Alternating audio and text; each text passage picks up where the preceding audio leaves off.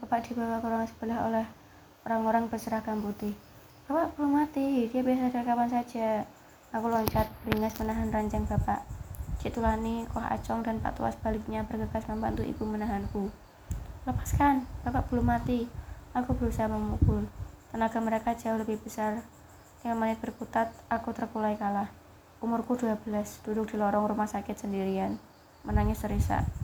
Di ruangan berjarak 10 meter dariku, bapak menunaikan kebaikan terakhir. Aku selalu tahu, sebagaimana seluruh penduduk tepian Kapuas tahu. Bapak adalah orang baik yang pernah aku kenal. Aku tidak tahu apakah ubur-ubur yang membuatnya meninggal atau pisau bedah dokter.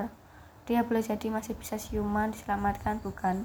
Mujizat bisa datang kapan saja, bukan. Umurku 12, aku tidak pernah tahu jawabannya. Satu, riwayat pekerjaanku. Kalian tahu kenapa kota ini dinamakan Pontianak? Cobalah tengok peta dunia, lihat nama-nama kota paling eksotis dan terkenal sekalipun. Tidak ada yang seganjil nama kota kami. Bahkan kota asal cerita Dracula,